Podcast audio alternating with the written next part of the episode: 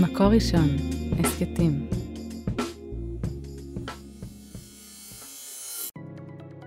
אחד מגדולי החכמים בטבריה הקדומה, בן לקיש שמו, שכר מלמד לילדיו, רב חייא שמו. פעם אחת השתהה אותו מורה ולא הגיע, יום, יומיים ושלושה. כשסוף סוף הגיע, שאל אותו האב, למה איחרת? ענה לו המלמד, יש לנו כרם משפחתי. ואבא השאיר לי ענף אחד של, כאב, של גפן לבצור. אלא שביום הראשון בצרתי ממנו 300 אשכולות, וביום השני עוד 300 אשכולות, וכך גם ביום השלישי, והוצאתי מהם יין לעשרות חביות. ענף קטן ויבול שלא נגמר. חברם, רבי יעקב, בסיפור אחר, מספר שבשעת בוקר מוקדמת אחת צעד מלוד לקריית אונו הקדומה, מרחק של שלושה מילין, הוא אומר. הלכתי ברגל ושקעתי עד קרסולי בדבש של תאנים שנטף מהעצים. אנחנו, אמרו שני תלמידים אחרים, הזדמנו למקום אחד והביאו לנו אפרסק בגודל קערה, ענקית. שליש אכלנו, שליש תרמנו, ובשליש האכלנו את הבהמות. ועוד ישבו החכמים וסיפרו נפלאות על פירותיה של בקעת גינוסר, על גודלם ועל מתיקותם הנפלאה. רבי אבאו למשל מקיסריה היה אוכל מפירות גינוסר עד שהיה הזבוב מחליק ממצחו, הם אומרים. כל כך שמנים ומתוקים ומזינים היו הפירות האלה. חכם אחר, יהושע בן לוי, הזדמן לגולן, וראה בתוך הכרם מה שנדמה היה לו כעגלי בקר. עגלים עומדים בין הגפנים, אמר לבעלי הכרם. אתם לא חוששים שיזיקו לענבים? אמרו לו, לא עגלים אתה רואה, אלא אשכולות ענבים, שגודלם כגודל עגל. ואם הזכרנו עגל, סיפור תלמודי פלאי אחר מספר על שני חכמים ידועים שבערב שבת אחד למדו כל היום בספר יצירה, ואז בראו להם עגל, יש מאין, כדי שיהיה מה לאכול בשבת.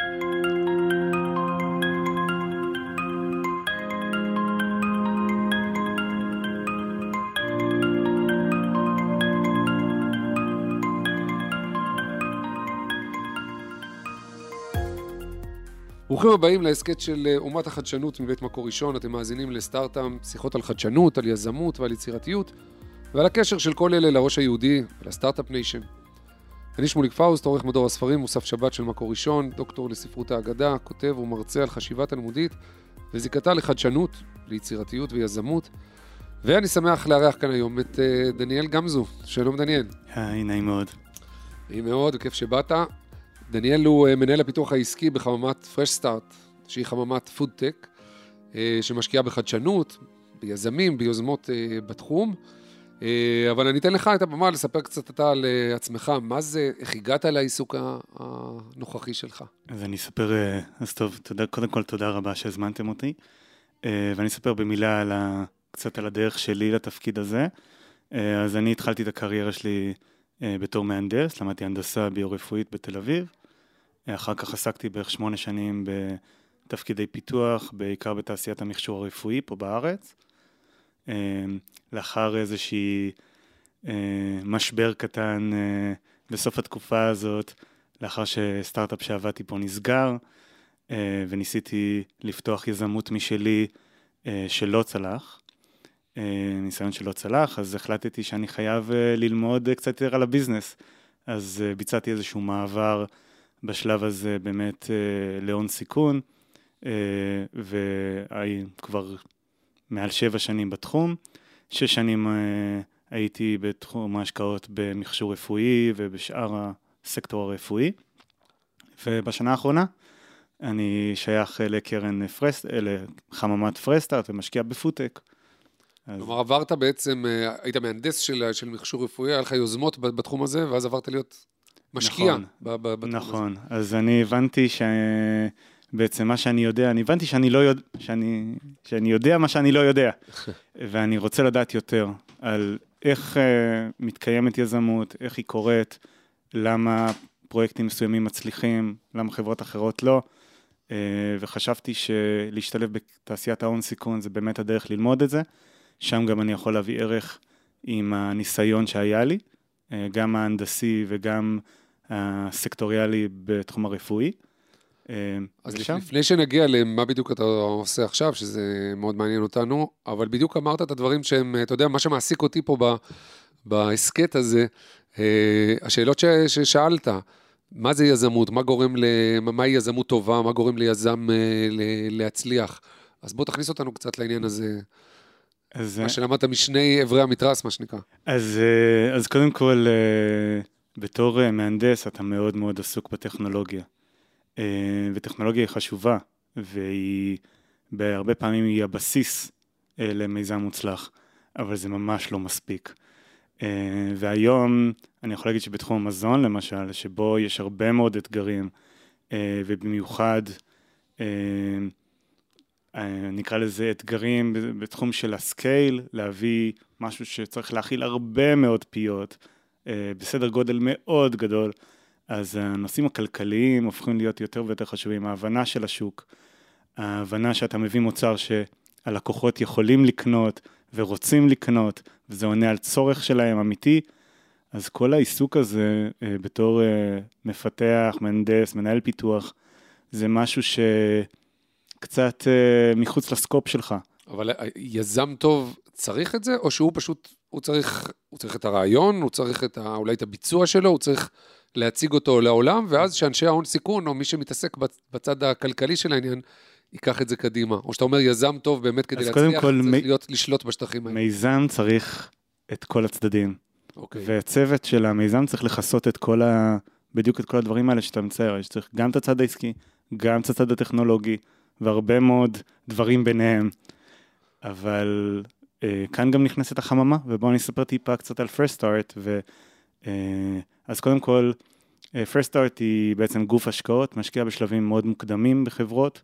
אנחנו ממוקדים בפודטק, מה שזה אומר מבחינתנו לאורך אה, שרשרת הערך של המזון, אז שמתחילה מזריעה ועד הצלחת שלנו, פחות או יותר. אז אנחנו משקיעים במה שקורה אה, מעבר לפוסט-הרווסט, מה שנקרא אחרי קצירה, אה, ועד הצלחת שלנו, וזה יכול להיות כל דבר בהם, זה יכול להיות תהליכי ייצור, זה יכול להיות רכיבים חדשים, וזה בגדול, התעשייה הזאת נועדה אה, שאנחנו נקבל יותר אוכל, פחות משאבים, אוכל יותר טוב, יותר בריא, יותר מוצלח, ואנחנו משקיעים בכל מה שעושה את זה. אז אתם בעצם משקיעים, זה אומר, אתה לא רק פותח פנקס צ'קים, אתה בעצם אה, נכון. צריך לברור אה, יוזמות ו- ויזמים. אני בכוונה אומר גם יוזמות וגם יזמים, כי אם אני מבין נכון, יש את, ה- יש את הרעיונות, שהם יכולים להיות רעיונות uh, טובים, ואפילו הביצוע שלהם או האב טיפוס שלהם יכול להיות, אבל הרבה פעמים זה גם ממש תלוי, תתקן אותי אם אני טועה מהניסיון שלך, הרבה פעמים זה תלוי גם uh, ב- באישיות, תלוי ביזם וביכולות שלו. האופן שבו הוא מרשים אותך כמי שמסוגל להוביל את היוזמה שלו, אז אני מניח שכחממה זה חלק ממה שאתם עושים. יש לכם קריטריונים נכון, מסוימים, מחפשים לגמרי. אנשים מסוימים ויוזמות אה, שמתאימים לכם, אז מה, משהו על התהליך הזה? אז, אז באמת אה, הדבר האידיאלי הוא שהיזם הוא מישהו שיכול למלא אה, את אחד החלקים האלה במיזם, אחד התפקידים במיזם, בצורה מצוינת. זה יכול להיות מישהו עם רקע עסקי, זה יכול להיות עם רגע מישהו שהבנה טכנולוגית מאוד עמוקה, הובלה, יכול להיות שהוא מגיע מהאקדמיה, יכול להיות שהוא מגיע מהתעשייה, אבל הוא חייב למלא איזשהו תפקיד במשימות שהמיזם צריך שהוא ימלא. זה האידיאל. אבל כן, יש יזמים שהם יותר רעיונאים, אה, ואין להם את, ה... את היכולות למלא תפקידים מסוימים במיזם. ולפעמים אה, הם עדיין עושים הרבה מאוד בשביל המיזם, אבל יכול להיות שאנחנו נביא באמת אה, צוות שיוכל למלא את החלקים האלה, וזה באמת משהו שהחממה עושה. אה, אנחנו רואים... החממה ש... לא רק משקיעה אה, נכון, משאבים, אז... כסף, אלא גם... אז קודם כל, בוא נדבר קצת מה זה חממה מעבר כן, לגוף השקעות. בוא נשמע, אז אנחנו... אנחנו מכירים חממה מחממות במשק של... לגמרי, אז, אז, אז בדיוק כמו שהרבה פעמים חממות נותנות תנאים קלים יותר לצמחים. הן לוקחות, ועכשיו אנחנו אה, נבודד אותן מהאקלים החיצוני, ואנחנו ניתן להם איזשהו אה, תנאים מאוד מאוד ספציפיים שטובים להם לצורך הגדילה בהתחלה, והרבה פעמים גם אה, החממה לפעמים היא מגדלת דברים בשלבים ראשונים, ואחר כך הם יוצאים לשדה והופכים להיות גידולים מרשימים יותר, גדולים יותר, זה גם משהו שקורה הרבה. אז גם אצלנו. אנחנו הרבה פעמים מקבלים מיזמים בשלבים מאוד מוקדמים, הוכחת היתכנות מאוד חלקית, אה, אפילו product market fit, זאת אומרת התאמה לשוק בצורה חלקית, ואנחנו, על ידי ההשקעה שלנו, על ידי התמיכה שלנו בהרבה מאוד אה, דברים, אנחנו מאפשרים להם לפעול ולהגיע לאיזושהי בגרות ראשונית, לאיזושהי הוכחת התכנות של כל אחד מהאספקטים האלה, אה, בסביבה מאוד נוחה. ואיזשהו מכפיל כוח, זה שהם עובדים אצלנו. כלומר, זה יכול להיות גם המחקר, אה, הסקרים, סקר השוק שצריך לעשות, כל מה שצריך. זה יכול להיות כל מה שצריך. זה יכול להיות מפגש אה, עם חברות בינלאומיות, אה, ולראות איך הם עובדים איתם ועונים לצרכים שלהם. זה יכול להיות ממש אה, מפגש אה, עם מומחי תעשייה, שעוזרים איך לגשר על הפער הזה, כדי איך לייצר את הרכיב הזה במחיר הנכון, שיאפשר הגעה לשוק, וזה יכול להיות מומחים אה, ממש מדעיים, שיאפשרו את הפריצת דרך הזאת, שתשנה קונספטים משמעותיים בתעשייה הזאת. אז מה התפקיד הספציפי שלך בתוך החממה? איזה, איזה גנן מאיזה סוג אתה? אז כן, אז uh, התפקיד שלי מתחלק לשלושה חלקים, uh, שהיחסים ביניהם משתנים מזמן לזמן, אבל החלק הראשון מתרכז בכניסה של מיזמים חדשים, בחינה שלהם. אז אנחנו קודם כל עושים מה שצריך כדי לעודד פנייה של יזמים אלינו וזיהוי אה, של פרויקטים או מיזמים מבטיחים. זה יכול להיות הקשר שלנו לאקדמיה, אה, זה יכול להיות העיסוק וה...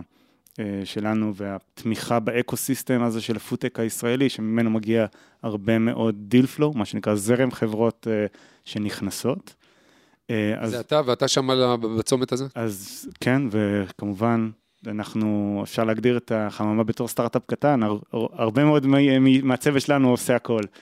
אה, אז, אז החלק הראשון הוא באמת הטיפול בדיל פלואו הזה, הבחינה של החברות אה, לאורך כל הדרך, ובעצם עד ל... אה, בעצם אישור שלהם להשקעה אצלנו, אצל רשות החדשנות, שהם שותפים שלנו כמובן בתוכנית החממות, ועד, וזה השלב הראשון. השלב השני בעצם זה ליווי של הפורטפוליו, בעצם ניהול של הפורטפוליו, מה אנחנו יכולים לעשות כדי שהחברות הקיימות אצלנו, שכבר השקענו בהן, יצליחו, יגיעו לאבני הדרך שאנחנו רוצים שהם יגיעו, יצליחו. אה, וזה יכול להיות, שוב, דברים מדעיים, זה יכול להיות דברים עסקיים, וזה כמובן למצוא עוד כסף לסיבובים הבאים שהן מגייסות. והתחום השלישי שאני מתעסק בו זה בעצם נטוורקינג, זה בעצם פריסת רשת שתאפשר אה, לחממה ולחברות שלה בעצם את ההצלחה הזאת. זה אומר גם אה, להיות בקשר רציף עם חברות בינלאומיות גדולות שיכולות להיות הלקוחות של החברות שלנו, או משקיעות, אה, וגם הבנה של הצרכים שלהם. אם אני ארצה ליזום חברות חדשות, אני צריך לראות מה הטרנדים עכשיו, לאיזה צרכים אני רוצה לענות. Mm-hmm. אז גם, זה גם חברות בינלאומיות, גם קרנות, וכמובן גם יזמים ומובילי דעה, וזה כדי, אחד, לתמוך בחברות שלנו בצורה טובה, ושתיים, להבין את הטרנדים, להשקיע במקומות הנכונים אה, וליצור חברות טובות וחדשות. ואם נחזור לשלב הדי קריטי של הזיהוי הראשוני, איך אתה מזהה לפחות פוטנציאל של, אה, של יזמים אה, שהמיזם שלהם עומד להצליח? אז מבחינת היזמים, אני מאוד מחפש, אחד, תשוקה מאוד מאוד גדולה לתחום שהם עושים. כלומר, אז אנחנו חוזרים לאדם. בדיוק, אז... תסתכל בעיניים ואתה רוצה לראות תשוקה. אז, אז הדברים הראשונים שאני אומר הם כמובן נכונים לכל יזם, לאו כן. דווקא בפודטק כן, ולאו דווקא זה. אז קודם כל צריכה להיות לו תשוקה מאוד מאוד גדולה. זו הולכת להיות דרך מאוד קשה, הרבה מאוד אתגרים, ואם אין לך passion אמיתי לזה, אה, זה ישבור אותך אה, לפני שתגיע לקו הגמר כנראה. הדרך רצופה הרבה מאוד אתגרים ומכשולים. אז זה אחד. שתיים, אני חושב שאידיאלית, כמו שאמרתי קודם, היזם צריך למלא איזשהו תפקיד בחברה, הוא צריך לעשות משהו, אחד מהתפקידים האלה בצורה מצוינת. יכול להיות שיש לו פוטנציאל לעשות את זה מצוין, שזה גם יכול להיות מספיק טוב עבורי, שאין לו קבלות מהעבר בדבר הספציפי הזה, אבל הוא יכול לסגל לעצמו את היכולות האלה. אמ, זה משהו שאתה מזהה מה... נכון, אז צריך להיות איזושהי נקודה, זה נעשה בשתי דברים. אחד, זה צריך להיות זיהוי של איזושהי נקודת הצטיינות. קודמת. זה יכול להיות אה, מישהו שהקים עמותה, ו... הפך אותה לארגון משמעותי וגדול ומצליח. אז אני רואה יכולות ניהול, אני רואה יכולות גיוס כספים, אני רואה הרבה מאוד דברים. יכול להיות שזה לא קשור לפודטק בכלל, אבל יש פה יכולות מצוינות שאני יכול להיעזר בהן במיזם שלי. וזה יכול להיות, אה, אה, אז, אז קודם כל נקודה, נקודת הצטיינות. דבר שני, בדרך כלל אה, בדיקת נאותות, due diligence, שאנחנו מבצעים, זה לוקח זמן מה. זה יכול לקחת ממספר שבועות ועד חודשים ספורים, ובמהלך התקופה הזאת, מאוד אנחנו עובדים מאוד מאוד צמוד ליזמים, ורואים איך הם מגיבים, איך הם משתפרים, איך הם, נקרא לזה, ההתקדמות שהם עושים לאורך התהליך איתנו, זה נותן פידבק מאוד מאוד טוב, האם הם יכולים להוביל את זה גם הלאה. ואתה פוגש בעצם אה, יזמים אה, מקומיים בלבד? אה, בהקשר החממה הזאת, זה בעצם כן, אז, אז? אני אספר קצת, אז קודם כל, החממה עצמה היא בעצם גוף שמוחזק על ידי ארבעה שותפים. אמ, יש לנו שני שותפים תעשייתי, תעשייתיים שכולם מכירים, אה, תנובה וטמפו, אה, ושני שותפים יותר פיננסיים, שזה Outcrowd, זה פלטפורמת משקיעים גדולה, ו-Finished Ventures, זה קרן הון סיכון מארצות הברית. וכל הקונסורציום הזה התכנס אה, כדי להקים בעצם גוף השקעות משותף, ולהיענות לכל קורא שנעשה על ידי רשות החדשנות. רשות החדשנות רצתה שיהיה גוף השקעות בצפון, בצפון בעצם מוקם אה, מה שנקרא עמק האגרי-פוד הישראלי, אה, הרבה מאוד פעילות בתחום, אה, ומה שמתאים בצפון, כמובן, הרבה מאוד חקלאים, הרבה מאוד, שוב, גופי מחקר. ואתם ממוקמים בקריית שמונה? אנחנו ממוקמים בקריית שמונה. אמ, ומתוקף זה שאנחנו שייכים לתוכנית החממות של רשות החדשנות, אנחנו משקיעים רק בחברות ישראליות, אה, רק בשלבים מוקדמים ורק בפודטק. כן. אז זה אה, הופך אותנו להיות מאוד מצומצמים, אבל מאוד מקצועיים במה שאנחנו עושים. שאלתי את זה בעצם כדי לדעת לעמוד על, אם יש איזה ייחוד ליזם הישראלי. אולי זה ביותר אה, נוגע למשקיעים, לחברות הון סיכון שאתם עובדים איתם. שאני לא, ואני לא יודע אם יצא להם להביע את זה בפניכם, לשקף לכם אה, את זה, אם העבודה עם ישראלים היא שונה ממה שרגילים לעשות במקומות אחרים בעולם. אז, אה, אז קודם כל, אה, גם היזמים הישראלים הם מאוד טובים, וגם ה ecosystem הישראלי מאוד תומך. ה ecosystem הישראלי מתבטא, למשל, ש... אנחנו מאוד מצומצמים, מאוד קל להגיע, מאוד יש היכרות קרובה בין הרבה מאוד גורמים. אז אם מישהו צריך איזו עזרה, איזשהו מומחה, יכול להיות שהוא יכתוב בקבוצת וואטסאפ והוא יקבל הפנייה לבן אדם הזה תוך עשר שניות. אה, זה משהו שאני לא בטוח שיכול לקרות באקו-סיסטמים אחרים בעולם. כן. זה דבר אחד. אה, דבר שני, יש פה באמת את התמיכה של הממשלה ושל רשות החדשנות. חלק הון סיכון, זה הסיכון. אה, ועצם זה שרשות החדשנות אה, מאפשרת ומשקיעה כספים משמעותיים במיזמים, זה בעצם מאפשר לנו להשקיע בשלבים יותר מוקדמים, במיזמים יותר מסוכנים, וזה חלק ממה, זאת, זאת התמיכה הזאת שקורית בישראל. ולגבי היזמים, אז קודם כל הם נהנים מה... הסביבה הזאת שמאוד מאוד תומכת יזמות. אני חושב שאני לא יודע, ממש מוסללים פה ליזמות, ואין היום אקדמיה שאין בה מסלול יזמות, ואין בה קורסי יזמות, וכמות האקסלרטורים פה היא אינסופית. אה, מה שכן מזוהה... כלומר, זה לא רק אה, אה, קלישאה או רק סלוגן של ה Start-Up Nation, לפחות מבחינת ה... ממש. אפילו בתחום הפודטק עצמו אפשר לראות ממש את המובילות של ישראל.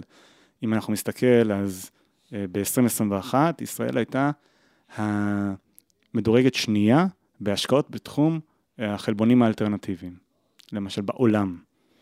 זה משהו שלא יכול לקרות באופן הגיוני. זה בדיוק כמו שניקח את הסטטיסטיקה של זוכי פרסי נובל, שאנחנו, אה, יש איזה שוני מכמות האוכלוסייה וכמות הזה יחסית לזכיות, אז גם פה יש פה סטייה מאוד מאוד משמעותית ממה שהיינו אמורים להיות למה שאנחנו בפועל. זה באמת, זה מתחבר לי, אתה יודע, הסיפורים העתיקים האלה שבהם אה, אה, אה, פתחתי את הפרק הזה, אז הם, הם מין גוזמאות כאלה של, אה, שרצו לדבר בשבח ה... המזון ופירותיה של ארץ ישראל, בשבח ארץ ישראל, אה, ויש הרבה כאלה. לא, זה גם על חיטה למשל מדברים. אה, ואז מה שמעניין, אני מצאתי מעניין שהם מדברים, כשאני אומר הם, זה, זה חכמי התלמוד, הם מדברים על, הם, הם משתמשים בלשון עתיד. כלומר, חלק הם מספרים מין סיפורי גוזמה כאלה, עד כמה טבלו עד הקרסוליים בעסיס של התאנים שנוטף מהעצים, ארץ זבת חלב ודבש כזאת. אה, וחלק הם כאילו צופים לעתיד, אומרים משפטים כאלה, אה, עתידה ארץ ישראל שיצמחו בה גלוסקאות, כלומר עוגות, ואומרים גם, אה, גם בגדי משי, כלומר, אתה לא, הדברים כבר יצמחו כמו שהם מוכנים לאכילה כבר מה, מה, מהקרקע, או... או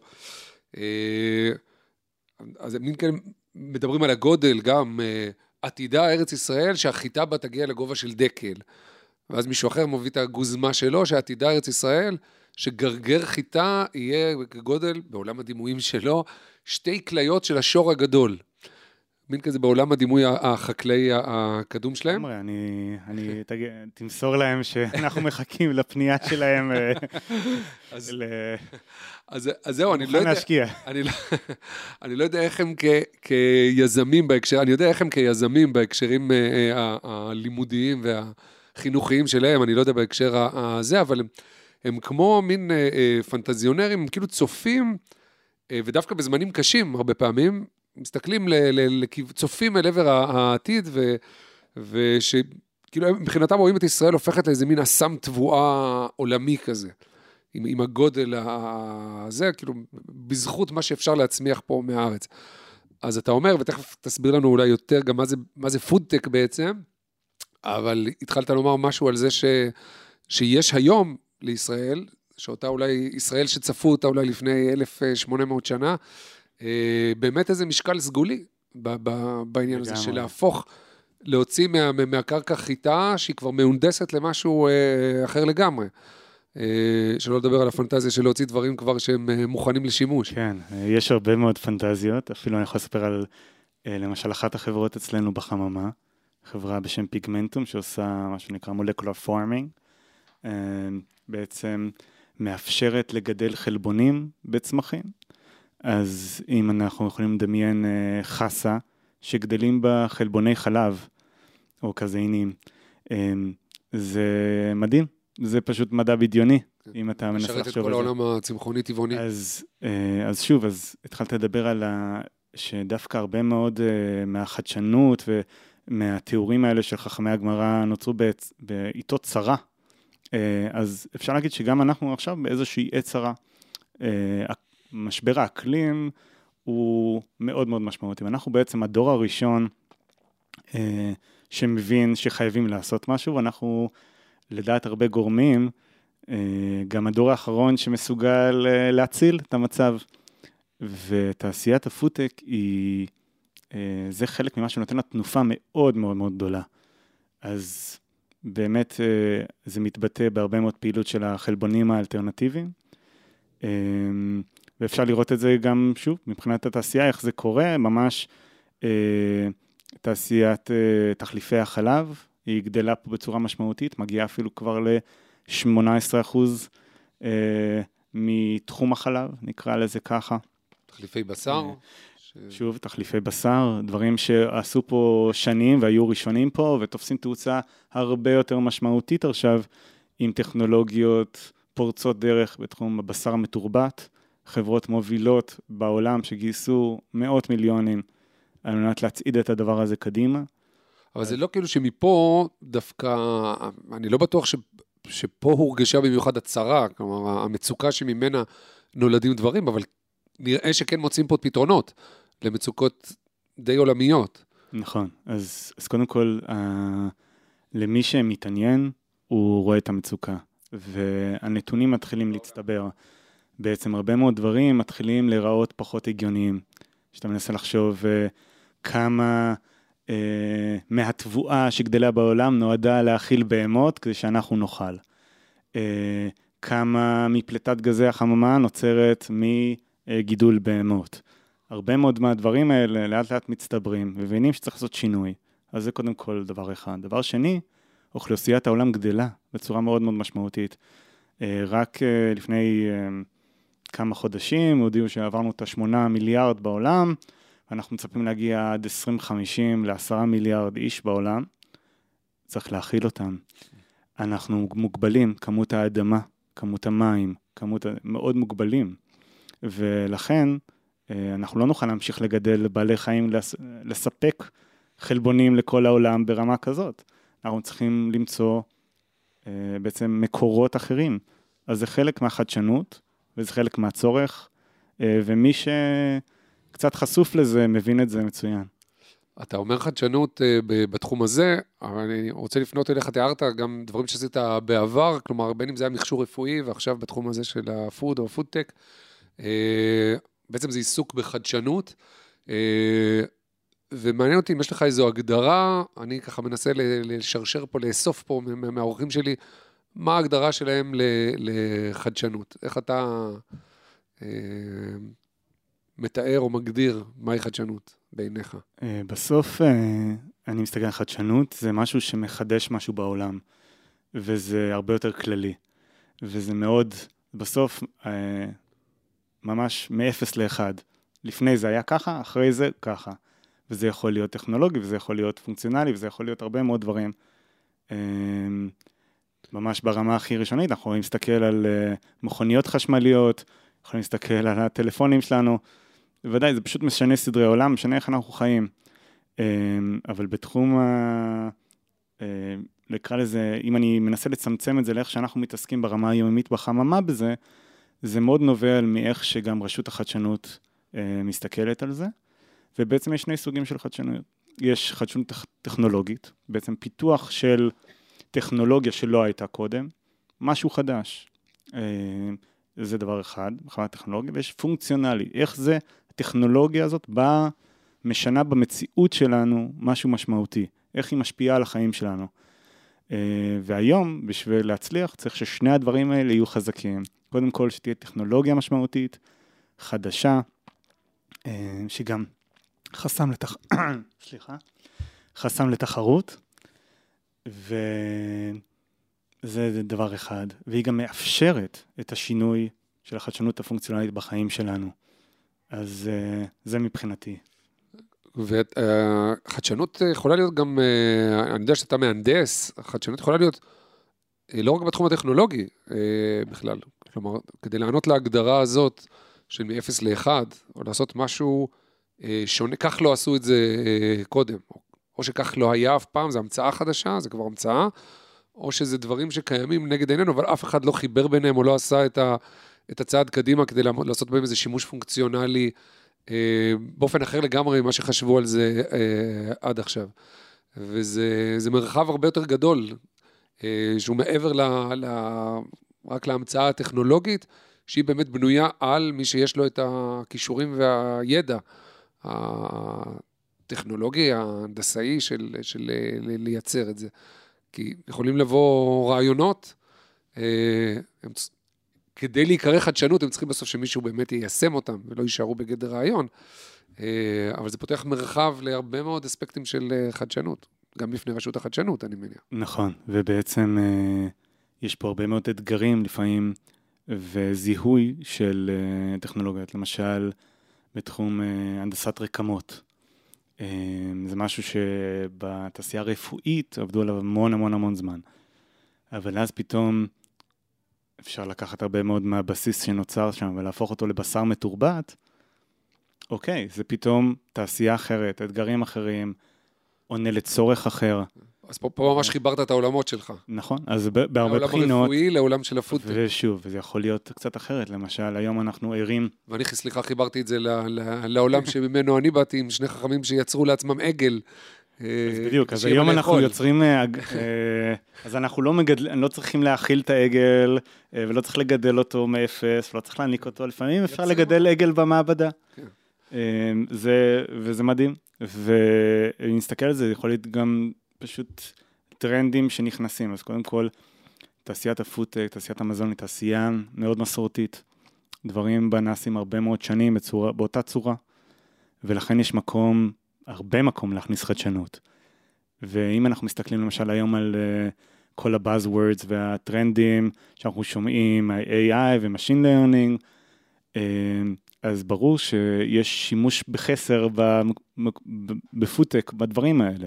לכן כניסה של טכנולוגיה האלה שהיום מיושמות בהרבה מאוד תחומים אחרים, גם לפודטק, להרבה מאוד מקומות בשרשרת הערך של המזון, סתם לדוגמה, איך אנחנו יכולים למנוע פחות בזבוז מזון, איך אנחנו מעריכים חיי מדף של אה, מזון, איך אנחנו מייעלים, גורמים לייצר יותר מזון בפחות אנרגיה, ברמה הכי נמוכה. אנחנו אפילו רוצים שמבחינה לוגיסטית, שנוכל לספק את המזון עם כמה שפחות נסיעות וכמה שפחות בזבוז. ו... אז איפה נכנס פה בעצם ה-AI? איפה נכנסת הבינה המלאכותית? אז, אז, אז ברמה, אז למשל, בוא נחשוב על uh, הבנה, uh, ממש זה יכול להיות על המדף אפילו, חיישנים שעומדים על המדף, מבינים באיזה סופר חסר, כמה ומתי, יודעים לצפות ביקושים, מעבירים את זה לחברה, יודעת לייצר בדיוק או בפרוג'קשנס מאוד, עם תחזיות מאוד מאוד טובות, כמה צריך, מתי ולמה, בעקבות אינסוף שינויים שיכולים להיות. יכול להיות שעכשיו יש מגפה והרבה אנשים אוכלים בבית ויש אה, צורך בהרבה יותר. ויכול להיות שעכשיו זה נגמר ואנשים הרבה יותר יוצאים למסעדות והרבה פחות קונים. אז הרבה מאוד גורמים יכולים להשפיע על התחזיות, וככל ש... נאסוף את המידע הזה, נעשה אופטימיזציה של הרבה מאוד תהליכים לאורך באמת שרשרת הערך, אז דברים יהיו יותר יעילים, אה, יצטמצם בזבוז, יהיה אפשר אולי לעשות גם שימוש בכל מיני אה, פסולת או תוצרי לוואי אה, של תהליכים מסוימים, אז יש הרבה מקום. אז כל הדברים האלה בעצם נכללים תחת החממה, כלומר זה לא רק הייצור של, ה, של החלבון שהתבטא בצמח משלב הזרע, כמו שאמרת, אלא גם הפטנטים הלוגיסטיים. ו... לגמרי, לגמרי. אנחנו מבחינתנו, שוב, אני, אנחנו, אנחנו מסתכלים על כל דבר שקורה מעבר לחקלאי, וזה יכול להיות המון דברים, וחברות המזון צריכות אה, ורוצות חדשנות במגוון תחומים. ואנחנו באמת שם כדי... כי, לס... כי למשל מה שאמרת על, על הלוגיסטיקה, החיישנים על, על המדף, זה לא, זה לא רק עניין של צריכת מזון, זה יכול להיות כל צריכה נכון. אה, שהיא, אה, שמשרתת כמובן בהקשר הזה גם את המזון וכך גם דברים אחרים. אז לכן אני שואל אם זה נכלל ב, בנישה שלכם. ההשפעה על תחום המזון היא הרבה יותר גדולה. בגלל שיש חיי מדף, כן. לצעצועים אין. אם הוא יושב על המדף, הוא לא מתקלקל, בדרך כלל. אז זה מאוד יכול להשפיע. והיום, אם אנחנו מסתכלים על, נושא מאוד חם, זה באמת אה, עניין של אה, אה, ביטחון תזונתי. אה, מה שנקרא פוץ... אה, סליחה. אז בעצם יש, זה משהו מאוד מאוד חשוב שאנחנו רוצים לספק אה, לאוכלוסייה אוכל טעים יותר, מזין יותר, ותוך כדי למנוע אה, בעצם בזבוז של מזון. היום, אה, אם קראתי לא מזמן ארגון לתת, רק אמר שבזבוז, כדי לספק ביטחון תזונתי לכל, ולא כרטיסי אה, מזון שהיום מחלקים, כדי לספק לכל האנשים שזקוקים לביטחון תזונתי, צריך, המדינה צריכה לספק בערך תקציב של חמישה וחצי מיליארד שקל. והיום בזבוז מזון שהולך לזבל, הוא מעריכים אותו כשבעה מיליארד שקל בשנה. אז סתם לדוגמה, אם היינו יכולים לנתב... מה שנזרק עוד בשלב לפעמים של, ה, של, ה, של החקלאים, השלבים, שלא נראה ו... מספיק יפה לשבת על המדף, ועד מה שאנחנו, הכמויות הגדולות מדי שאנחנו נכון, רוכשים ואחר כך זורקים. נכון, והבזבוז הזה נעשה בכל אחד מהבתים הפרטיים שלנו, ממש מהמקרר, אה, אז הרבה מאוד דברים. אז מאוד מעניין, ויש הרבה מאוד דרכים לפעול. אז יש כניסה של AI, יש הפחתה של פסולת, יש uh, להפוך מוצרי מזון להיות בריאים יותר, טובים יותר, יש הרבה מה לעשות. כן, אתה, אתה יכול לתת לנו איזו הצצה לעתיד, בין אם יכול להיות שהיא כבר מתבשלת אצלכם וקיימת, או, או משהו שאתה אה, אה, צופה ל, לעתיד בתחום הזה של, של הפודטק, דברים כאילו, אה, יודע, ש, שאנחנו לא יכולים לשער אותם בכלל, שיכול להיות שהם אה, קורים ויקרו. אה, אז אני קודם כל באמת חושב שהמגמה הזאת של חלבונים אלטרנטיביים תלך ותגדל ותתפוס יותר ויותר מקום בצלחת שלנו. אז זה קודם כל. אני חושב שתזונה מותאמת אישית תלך ותגבר, זה אחד הדברים המאוד מאוד, שאני חושב שלאט לאט אנחנו נבין, אז אנחנו נצרוך דור של מוצרים בריאים יותר, אבל מעבר לזה, אנחנו נבין ממש מה שטוב עבורנו, אה, וממש עונה לצרכים שלנו, אם זה יכול להיות סטודנט שישתה איזשהו אה, משקה בבוקר ביום של מבחן שעוזר לו להיכנס לפוקוס, אה, ומישהו אחר שמתקשה להירדם והוא שותה איזשהו משקה מיוחד אחר שמאפשר לו להירגע ולהיכנס למצב שינה טוב יותר, אה, וזה יכול להיות הרבה מאוד דברים אה, לתפקודי גוף אחרים, לעיכול טוב יותר. יכול אבל להתבטא- בעיקר פה זה, זה ההתאמה אז הספציפית, אז האישית. גם, אז זה גם על הפונקציונליות וגם על ההת- ההתאמה הספציפית. אז זה שניהם, ואני חושב שלשם התזונה הולכת, ובעתיד אנחנו נהיה מאוד מאוד ייחודיים בתזונה שלנו. אנחנו זה...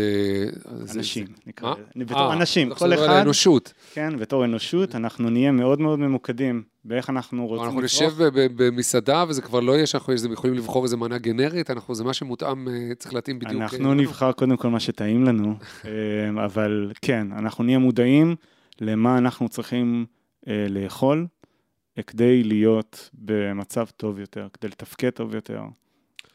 כלומר, אני, אני אומר את זה רק כאמירה, כי אנחנו אה, מגיעים ל, ל, לסיום, זיון הסיכום, אני, מה שאני שומע ממך אה, כל הזמן זה בעצם, זה באמת מתן ערך, כלומר, בסוף זו תרומה מאוד גדולה לאנושות. זה לא רק, ל, לא רק לכיסים של היזמים או של המשקיעים, אלא השינויים שאתם אה, עוסקים בהם וצופים אותם, הם כאלה שאמורים להשפיע על איכות החיים שלנו, ואחר כך על איכות הסביבה ואיכות הכדור, אה, בכלל. נכון. כלומר, לשם זה... אה, אז זה- המ- המושג הזה של אימפקט נכנס בשנים האחרונות, כן. והפודטק מהווה אה, חלק מאוד משמעותי מתוך האימפקט הזה, יחד עם כמובן שיפורים רפואיים וחדשנות בנושא climate והרבה מאוד דברים, אבל הפודטק הוא ממש חלק מאוד מאוד משמעותי ועיקרי שם, ואנחנו נרצה כמובן להמשיך לשפר את התעשייה הזאת גם לטובת האנושות וגם אה, לטובת הכדור. טוב, מאוד מעניין. אמנם לא הבאת לי לפה לטעום איזה חלבון אה, שגדל אה, ב- ב- בחממות, אה, אבל היה לנו מאוד נחמד, והגענו ל, ל, לסיום, לפינת הסטארט-טיפ אה, שלנו, כן? אני מבקש מאורחי, אה, אמרנו לאורך כל השיחה, אתה, אתה בעצמך ממונה על זיהוי יוזמות ויזמים, אז מתוך המכלול שדיברנו עליו, איזה מין אה, אה, עצת זהב אחת. אה, למאזינות, למאזינים ש... שהם אולי עדיין רק בגדר רעיון, אה, לעלות על המסלול של אה, יזמות ויזמות מצליחה. אז אני חושב שהנקודה המהותית ביותר, וגם מאוד כללית, שיכולה, אה, טיפ שלי ליזמים מאוד מתחילים, זה לא לפחד לדבר על המיזם. הרבה מאוד יזמים חושבים שהם הראשונים שחושבים על הרעיון הזה, והוא כל כך ייחודי, שברגע שהם יגידו אותו למישהו, מיד יגנבו להם את הרעיון. אז אני מציע לא, לדבר על הרעיון כמה שיותר, עם כמה שיותר אנשים. לא לפחד, לא מקרנות. אה, אולי לא לדבר עם חברים, דווקא חברים לא, ולא עם הורים ולא עם אה, אחים. כדי שלא יורידו אותך למטה. בדיוק, שלא יגידו לך, או, יזמות זה מסוכן, אל תלך. אבל אם כן, עם אנשי מקצוע נכונים, מהתחום, משקיעים, מדענים, לא לפחד, לדבר כמה שיותר, לרדת לעומקם של דברים, אה, ורק זה יכול אה, לקדם אותך בצורה מאוד מאוד משמעותית, ולכן זה הטיפ שלי. לא לפחד. מצוין. תודה רבה לך, תודה לדניאל אה, גמזו, תודה לעדי שלם רבינוביץ' ויהודי טל על ההפקה, תודה לאוהד רובינשטיין על הסאונד, על ההקלטה. תודה רבה לכם, מאזיני ההסכת. אני אודה לכם מאוד אם uh, תדרגו אותו בספוטיפיי. Uh, בספוטיפיי אתם גם יכולים להביע את דעתכם על הפרק, אנחנו נשמח לשמוע. אתם מוזמנים להרחיב ולהעמיק בקשר שבין צורת החשיבה היהודית העתיקה וכלי החדשנות והיצירתיות שלה לבין אתגרי המאה ה-21 uh, בספר החדש, תהיו חכמים. ואת הפרק הזה ושאר פרקי ההסכת הזה, גם הסכתים נוספים, תוכלו למצוא באתר מקור ראשון, בערוץ ההסכתים, כמו גם בספוטיפיי, באפל מיוזיק, בגוגל. ניפגש בפרק הבא. מקור ראשון, הסכתים.